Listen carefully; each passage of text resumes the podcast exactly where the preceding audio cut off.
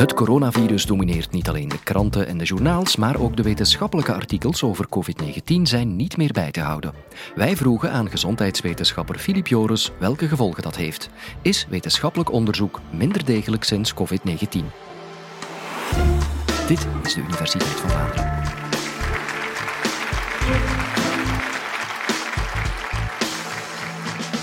Wat is innovatief wetenschappelijk onderzoek? Waar kijkt elke wetenschapper naar uit? Om juist die ontdekking, die uitvinding te doen die de wereld verandert. En in de medische wetenschap is dat misschien die medicatie, dat geneesmiddel ontdekken dat de ziekte echt stopt. En als je dan eindelijk gevonden hebt na jaren onderzoek waar je naar verlangd hebt, dan wil je dat publiceren, zodat niet alleen het publiek, maar ook uw collega's kunnen delen in de vreugde en de extase. En in de basiswetenschappen gaat men dan naar toptijdschriften zoals Nature, Science en Cell. Ronkende namen in de wetenschap. En in de geneeskunde proberen we dan te publiceren in andere tijdschriften. De New England Journal of Medicine bijvoorbeeld, of The Lancet. Allebei ontstaan in de 19e eeuw, de New England Journal of Medicine, om en rond Boston, een echte bubbel van activiteit in de medische wetenschap. En de Lancet ontstaan in het Anglo-Saxische Britse omgeving, wat eigenlijk betekent licht van wijsheid. Waarom willen we publiceren in die toptijdschriften? Die krijgen ook een ranking, een cijfer. En hoe hoger dat cijfer is, hoe groter hun impact. Men noemt dat letterlijk de impactfactor. Als ik kan publiceren, of mijn collega's in de New England Journal of Medicine of The Lancet, dan heeft dat meer impact voor de wetenschap, meer impact op de maatschappij, word ik meer geciteerd en ben ik een beetje meer beroemd. Maar ja, de weg daarnaar is niet eenvoudig. En na jarenlange onderzoek om je publicatie kwijt te geraken in zo'n toptijdschrift, is de succesratio een ampere 3 tot 5 procent. Maar als je daar natuurlijk in publiceert, dan heb je wel echt kwalitatief en topwetenschappelijk onderzoek uitgevoerd. Maar wat is eigenlijk correct en topwetenschappelijk onderzoek? Dat is een dat de magische term dekt kwaliteit. En om die kwaliteit te definiëren hebben een aantal onderzoeksinstellingen en organisaties in de loop van de geschiedenis definities gemaakt. En de eerste keer dat ze samenkwamen was eigenlijk in Genève, na het Wereldoorlog II in 1948, wanneer ze een verklaring hebben ondertekend. En die verklaring stelde dat wetenschappelijk onderzoek ethisch moest verantwoord zijn. Ik herinner u even aan Wereldoorlog II. En we kennen allemaal de verhalen dat het wetenschappelijk onderzoek verschrikkelijk gebeurde in de Tweede Wereldoorlog en dat proefpersonen nooit hun toestemming gaven om het uitvoeren van onderzoek op hun te laten uitvoeren.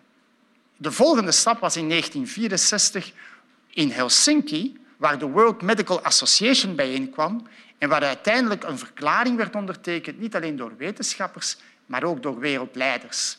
Vanaf dan moest onderzoek bijvoorbeeld met controlepersonen gebeuren om te kunnen vergelijken of onderworpen worden aan een goede statistische analyse. De volgende stap en de derde finale was in 1996 de International Conference on Harmonization, wanneer men good clinical practice definieerde. Goede praktijk in het medisch onderzoek. En wat zou dat allemaal moeten inhouden? Men moet veiligheid waarborgen voor de proefpersonen. Men moet het doen nadat op voorhand een protocol was opgesteld. Men mocht zomaar niet losjesweg onderzoek uitvoeren. Het onderzoek moest op voorhand, voor je het onderzoekt, aan een ethisch comité worden voorgelegd, dat dan nakijkt of alles volgens de regels wel gebeurt. Die zijn overal in de ziekenhuizen opgericht. De data moeten betrouwbaar zijn en uiteindelijk moest het gepubliceerd worden. Want zelfs negatieve data, geen effect, hebben een belangrijke maatschappelijke en wetenschappelijke boodschap. En wij worden opgeleid in ICA-GCP. Voor wij nu medisch onderzoek doen, moeten wij examens afleggen, dat wij die principes goed beheersen en na enkele jaren telkens opnieuw en opnieuw. Wat mag dus niet in zo'n onderzoek? Je mag niet de veiligheid van de persoon in opspraak brengen. Je mag niet van het protocol afwijken en je moet ethisch handelen. De laatste stap in dat geheel is om uw publicatie aan te bieden aan een tijdschrift. Denk maar aan dat toptijdschrift, de New England Journal of Medicine of The Lancet. En het blootstellen aan wat men noemt peer review. Eén, twee of drie peers, reviewers, referees, specialisten in uw domein lezen de boodschap na en kijken of dat het goed gebeurd is. Wat is er allemaal in aanwezig in uw manuscript? Gebeurde het correct? Verliep het via ICH GCP? Verliep het via de verklaring van Helsinki? Was de statistische analyse goed? Konden we het eventueel herhalen als we het in een ander laboratorium of bij een andere patiëntenpopulatie zouden doen? En zo meer. Uiteindelijk is er dan een wisselwerking tussen de reviewers, de schrijver, de auteur, de wetenschapper en de uitgever en wordt er, worden er verschillende revisies uitgewisseld en dan, na veel lang en bang wachten, na jaren onderzoek, verschijnt met een heel geringe kans, 3 tot 5 procent weet u nog, uiteindelijk uw publicatie in die toptijdschrift. Uiteindelijk heb je dan iets kwalitatief gepubliceerd. Je hebt peer review doorgemaakt en zoekmachines zoals PubMed pikken uw publicatie op voor de wetenschappers en voor het publiek. En we hebben altijd willen wachten op dat ultieme moment. Want als wetenschapper was je zeker, ah, mijn manuscript is goed nagelezen. En als editor, uitgever van het tijdschrift, was je zeker, ik heb de primeur, ik heb het hoogste behaald. En toen kwam COVID-19 en alles stond op zijn kop. De pandemie ging razendsnel om, om zich heen. En we zagen dingen die we nooit gezien hadden. De longontsteking verliep anders dan ze tevoren was beschreven bij infectieziekten. Het was een ongekend virus. Kinderen werden grotendeels gespaard. En op longfoto's zagen we dingen die we nooit gezien hadden. En dus wilden we snel communiceren. We wilden aan iedereen dat laten weten dat het anders was dan de wetenschap op een ander moment.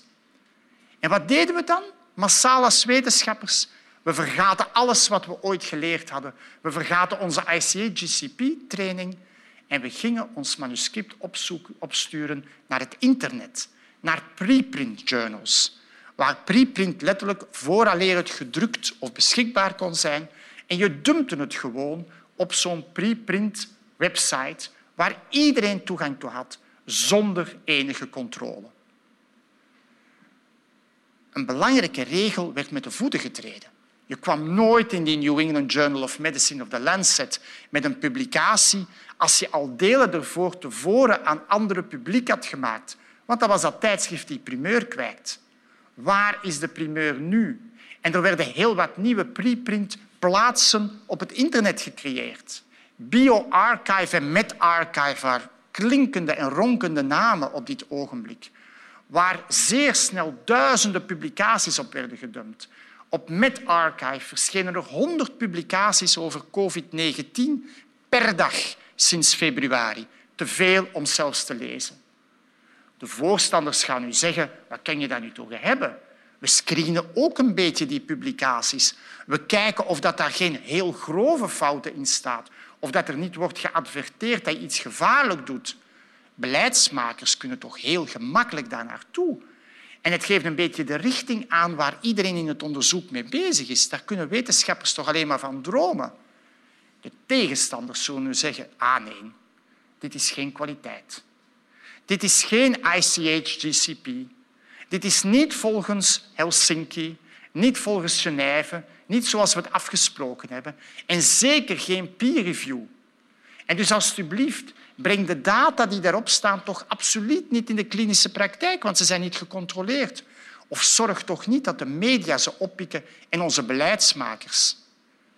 Men kan het publiek natuurlijk moeilijk verwijten dat ze geen verschil kennen tussen een preprint journal en de New England Journal of Medicine, want het wordt hun op het internet bijna op dezelfde manier aangeboden. En ja, er was ook een lichtpuntje. Die trage journals werden gedwongen om snel te werken. Er was een oproep van negen editors, uitgevers van die topjournals, om mensen te vinden die snel COVID-19-papers konden nalezen, zodanig dat ze snel konden beoordeeld worden. En de tijd tussen het aanbieden en het op het internet beschikbaar zijn voor die topjournals, die daalde van 117 dagen tot 60 volgens hun eigen publicatie. Toch wel grappig dat die editors dat niet publiceerden in hun eigen journal, maar om snel te zijn zelf naar een preprint bioarchive journal gingen om het snel aan het publiek mee te delen hoe snel zij wel waren geworden. En dan was er, oh ja, dat magische medicatie hydroxychloroquine. Een zachtere vorm van chloroquine dat velen van ons in het verleden genomen hebben als antimalariamiddel en ook als ontstekingsremmer. Het komt uit een prachtige plant, de Kingona, eigenlijk uit het regenwoud. En het was een beetje in onderbuik geraakt, omdat het nogal wat bijwerkingen had en vooral omdat er resistentie was opgetreden voor de malaria-parasiet. Maar men had enkele jaren geleden gezien bij andere coronavirusinfecties, MERS en SARS, nog zo van die ronkende namen, dat eigenlijk het hydroxychloroquine ja, misschien wel iets zou doen. Maar het was niet de New England Journal of Medicine of The Lancet. Geen gerenommeerd tijdschrift, maar tv-zenders en een aantal obscure artsen met obscuur wetenschappelijk onderzoek zouden uiteindelijk op het boodschappenlijstje van de wereldleiders belanden.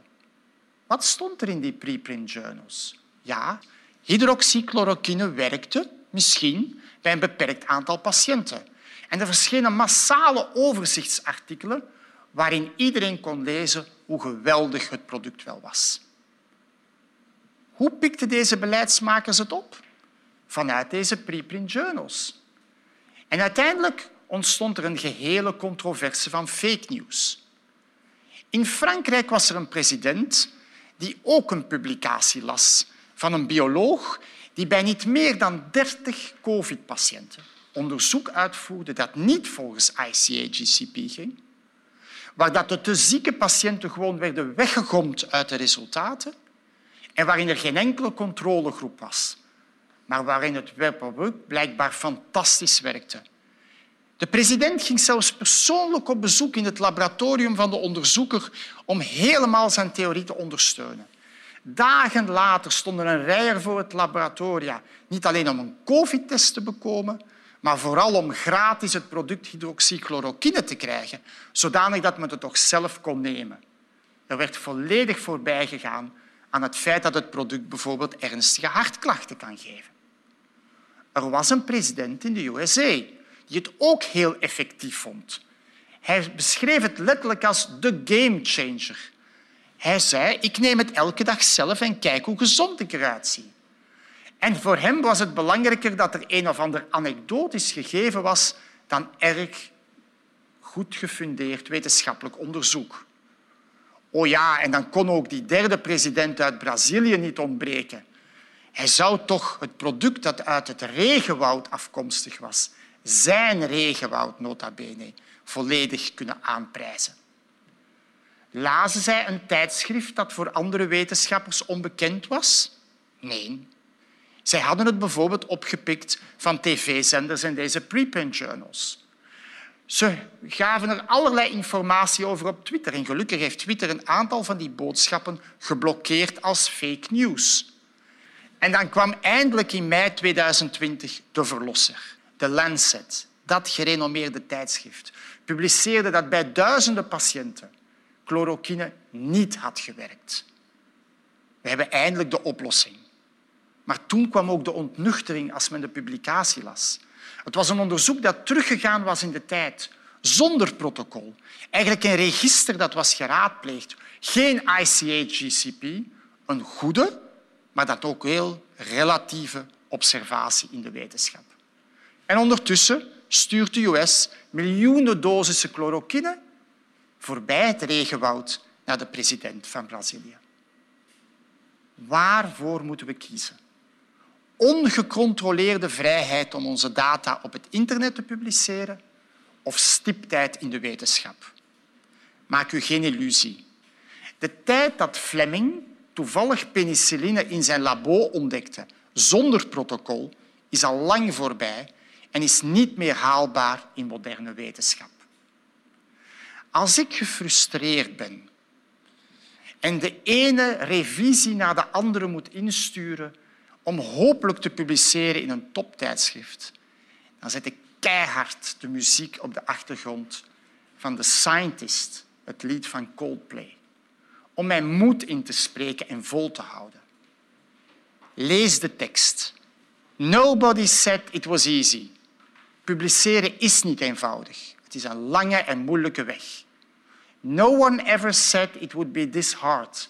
Wij worden niet getraind om te weten dat publiceren zo moeilijk is en een zo harde wereld is.